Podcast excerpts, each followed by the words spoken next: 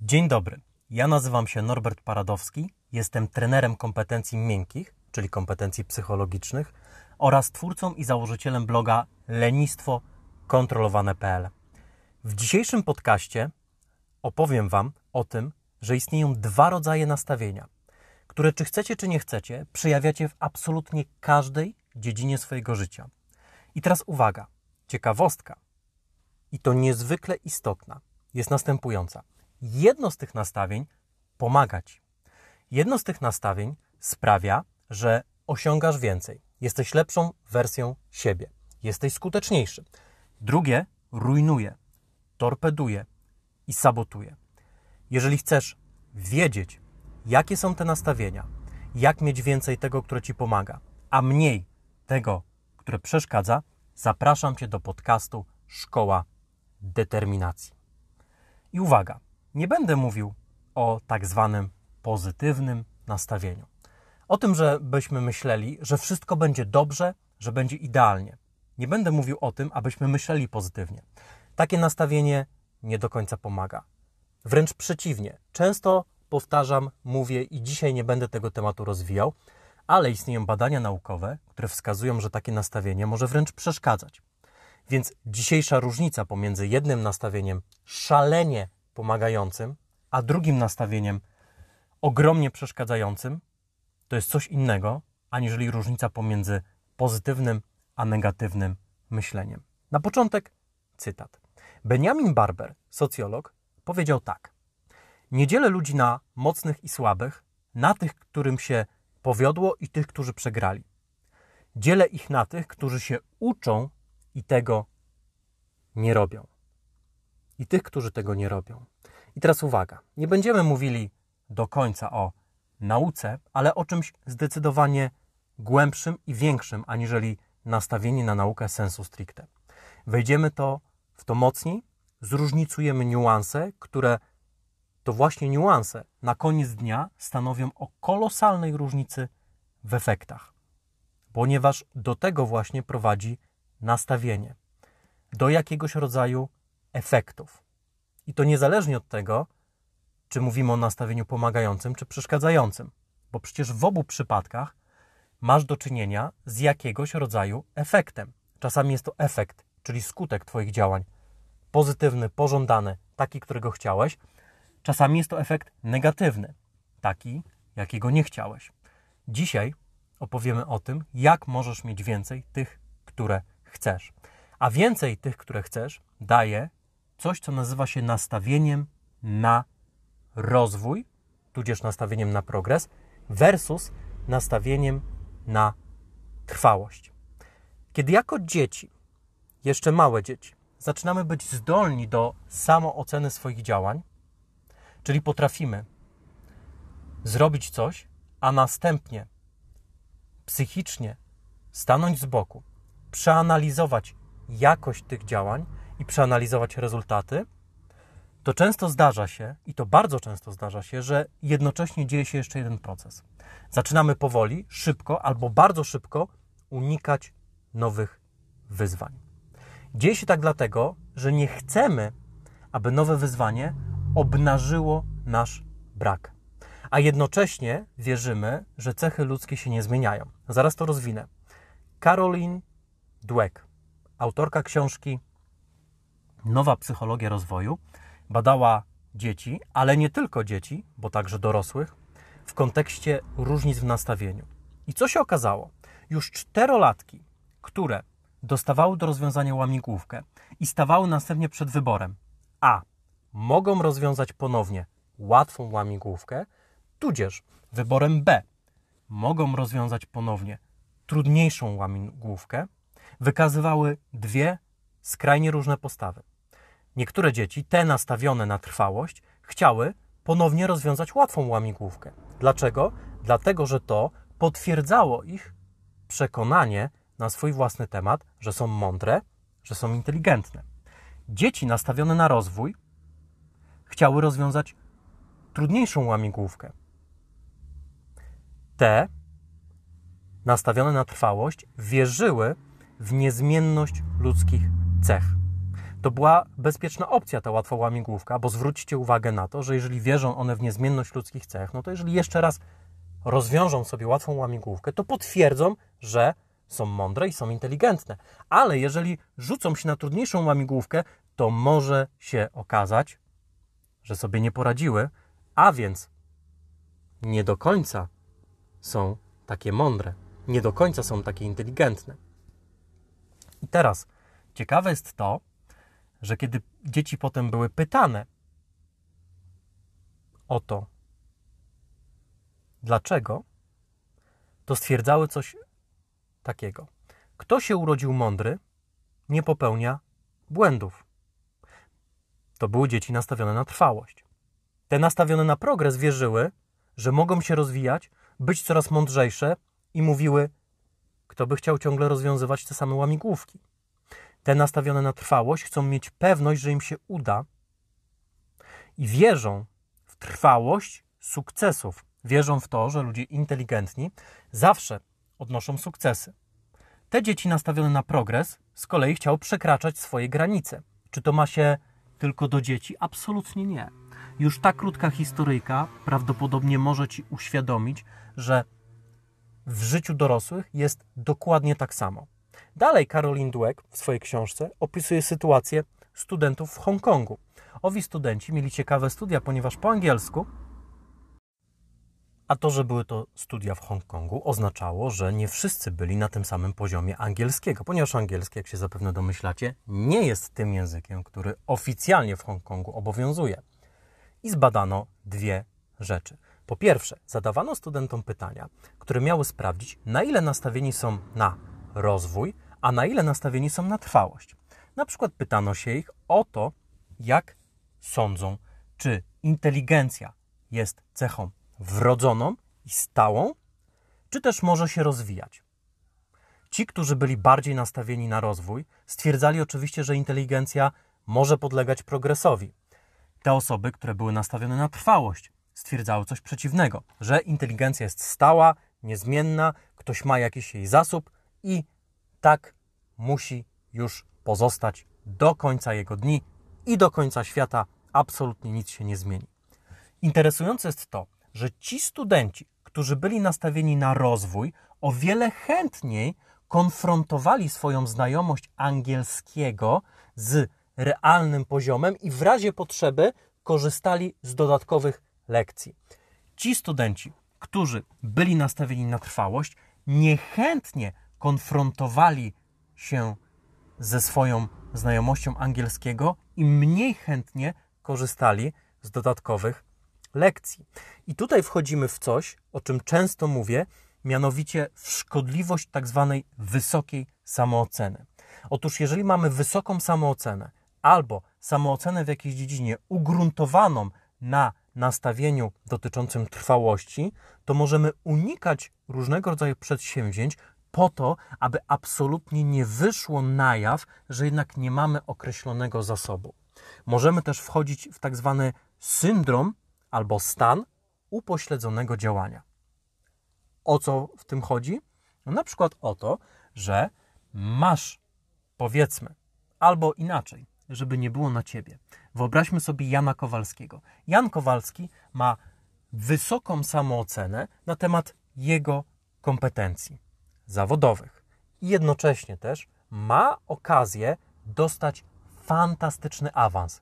Jednak wiąże się to z dużymi przygotowaniami, z poświęceniami, z koniecznością uczestniczenia w trudnym procesie rekrutacyjnym wewnętrznym, wiąże się to z bardzo dużą ilością pracy. Wiąże się to z ogromną ilością wyzwań. I teraz pan Jan Kowalski może, oczywiście nie musi, ale może wejść w coś takiego jak w syndrom upośledzonego działania. Czyli z jednej strony stwierdza, że dobrze, on wejdzie w ten proces rekrutacji, da z siebie wszystko, będzie działał na maksa i osiągnie, na pewno osiągnie, ponieważ przecież on jest wysoko wyspecjalizowany i ma wysoki poziom kompetencji, więc nie ma innego wyjścia, jak tylko osiągnąć to, co sobie zaplanował.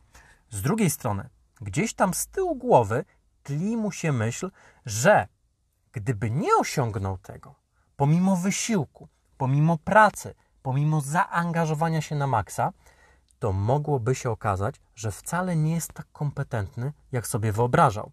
Jeżeli bardzo chce zachować ten obraz, to może, tak jak mówiłem na początku, uniknąć przedsięwzięcia, ale skoro już się zaangażował, to może wejść w syndrom upośledzonego działania, tudzież w tryb upośledzonego działania.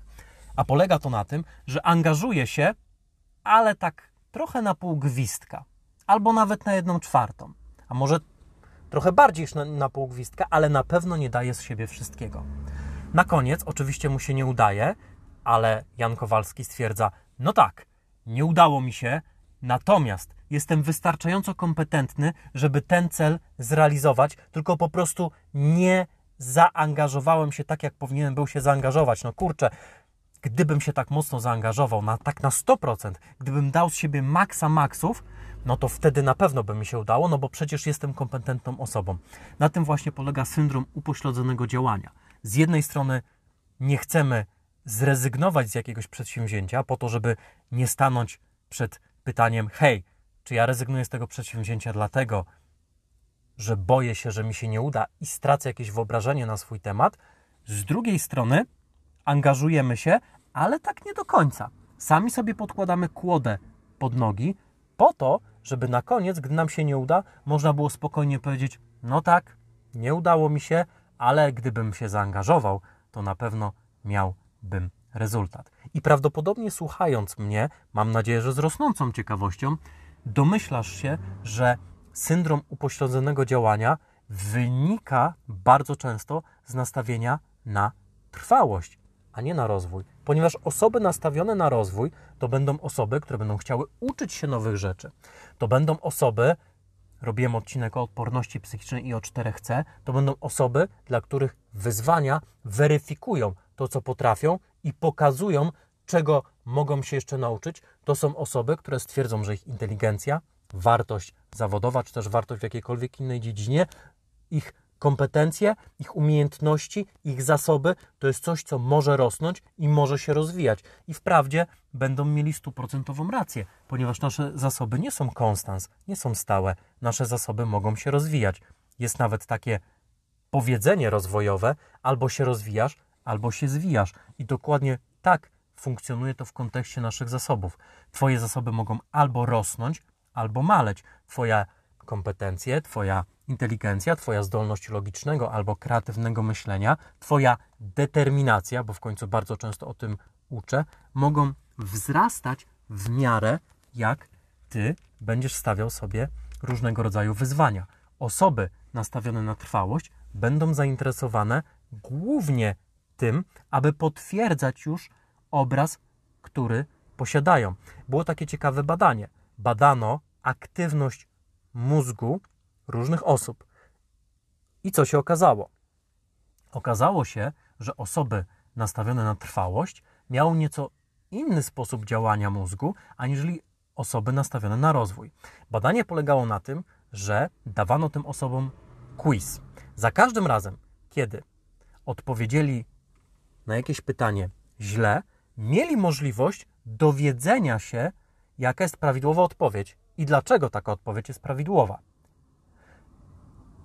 I co jest niesamowicie ciekawe, osoby nastawione na trwałość wykazywały dużo większą aktywność mózgu w momencie, w którym dostawali potwierdzenie, że odpowiedzieli na dane pytanie dobrze. Tak naprawdę to najbardziej ich interesowało. Czy ja dobrze odpowiedziałem na to pytanie? Aha, odpowiedziałem dobrze, czyli jestem jakiś. Osoby nastawione na rozwój z kolei wykazywały największy poziom aktywności mózgu w momencie, w którym, zapewne się domyślasz, dostawały informację zwrotną, że czegoś nie potrafią i dowiadywały się, jak na dane pytanie odpowiedzieć dobrze. To ich najbardziej interesowało. Progres, rozwój, wyzwanie było dla nich niczym innym jak miarą tego, czego jeszcze nie potrafią i kierunkowskazem, gdzie mają podążać. I zapewne domyślasz się, że te dwa nastawienia mają miejsce absolutnie wszędzie, nie tylko w pracy, ale także w nauce. I nie tylko w nauce, ale także w sporcie. Nie tylko w sporcie, również w małżeństwie. I pewnie zaczynasz uświadamiać sobie też, że im więcej masz nastawienia na rozwój, tym lepiej dana dziedzina będzie funkcjonowała. A im więcej masz nastawienia na trwałość, tym dana dziedzina może funkcjonować gorzej. I to zarówno praca, jak też sport, jak małżeństwo.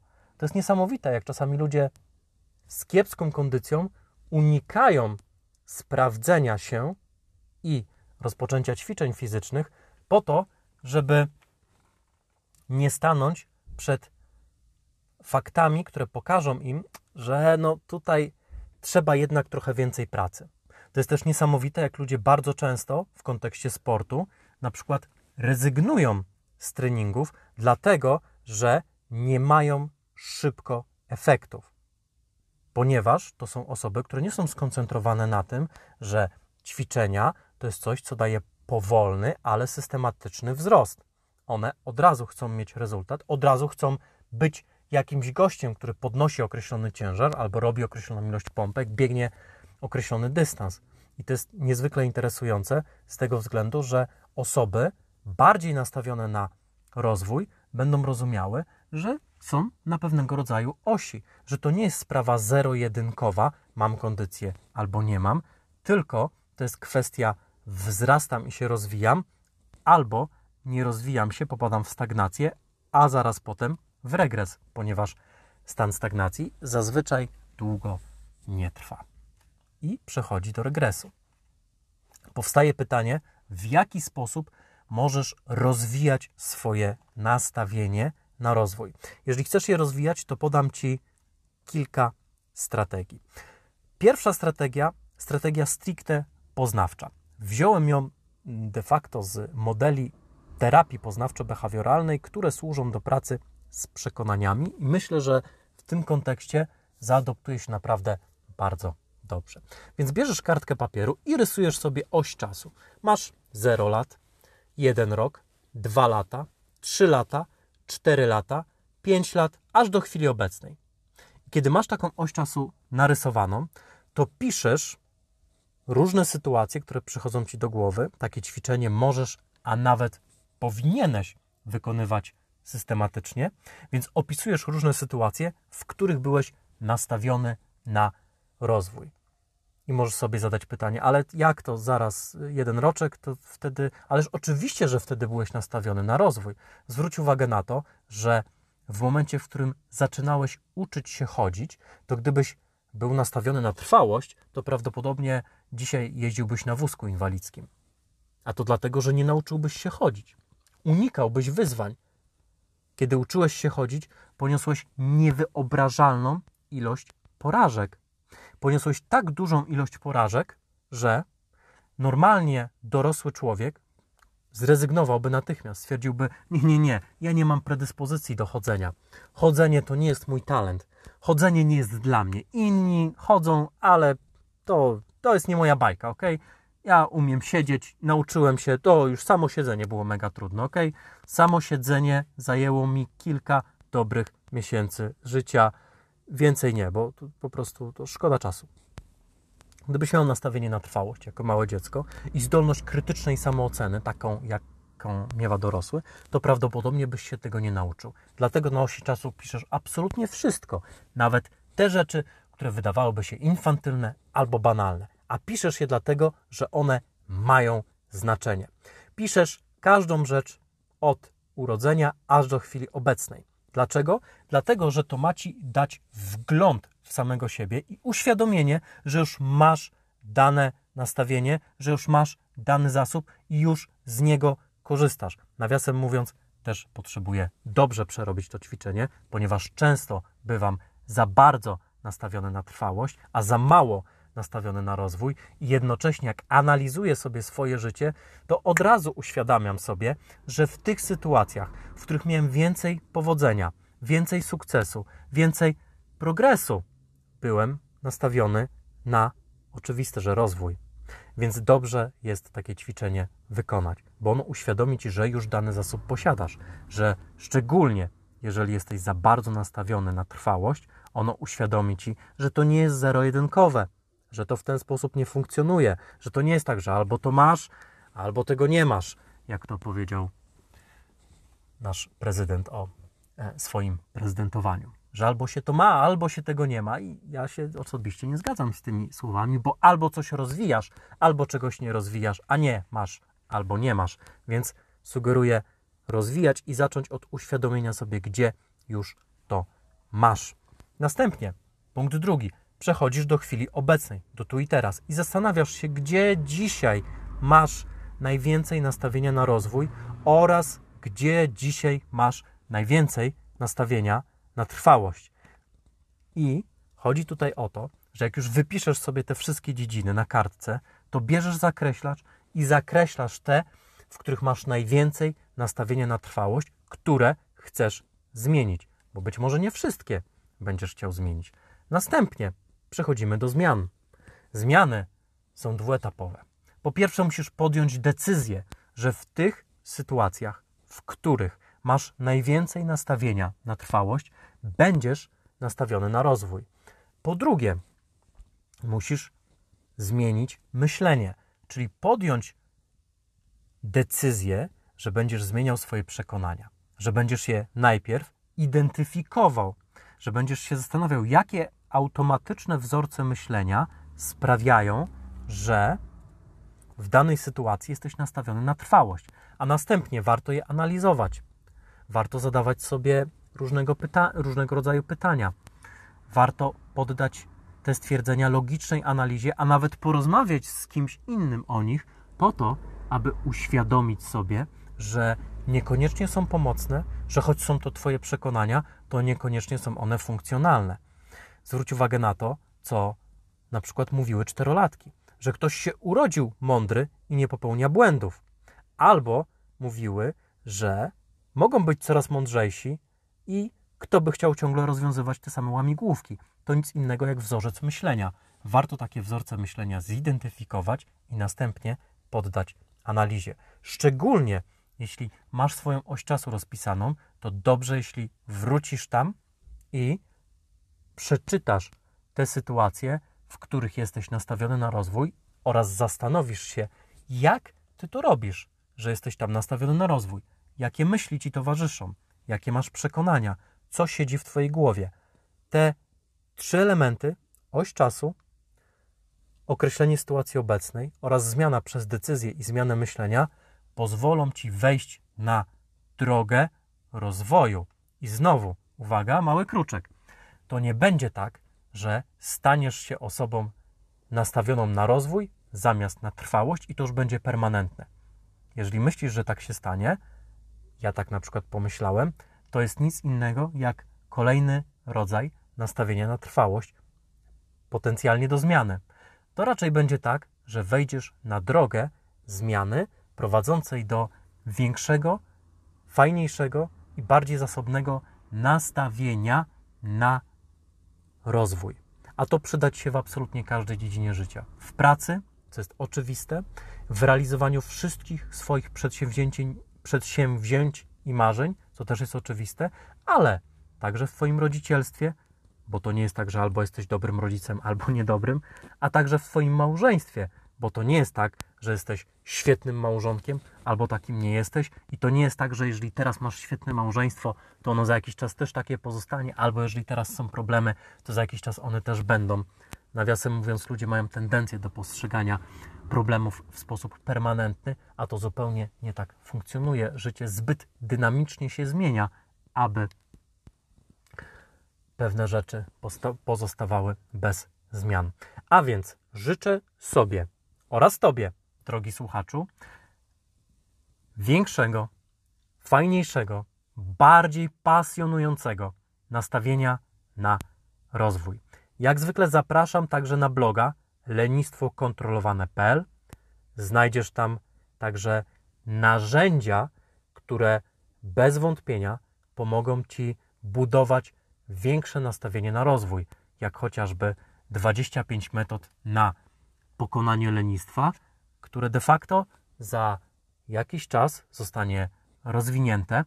Tak więc polecam Bardzo, bardzo jest to mój osobisty narzędziownik, z którego korzystam niemalże każdego dnia. Dziękuję Ci za uwagę. Życzę dobrego tygodnia. Mamy jeszcze majówkę. Mam nadzieję, że majówkujesz i bawisz się naprawdę dobrze. Życzę Ci świetnej zabawy. Życzę Ci odpoczynku. Trzymaj się. Pozdrawiam. Cześć.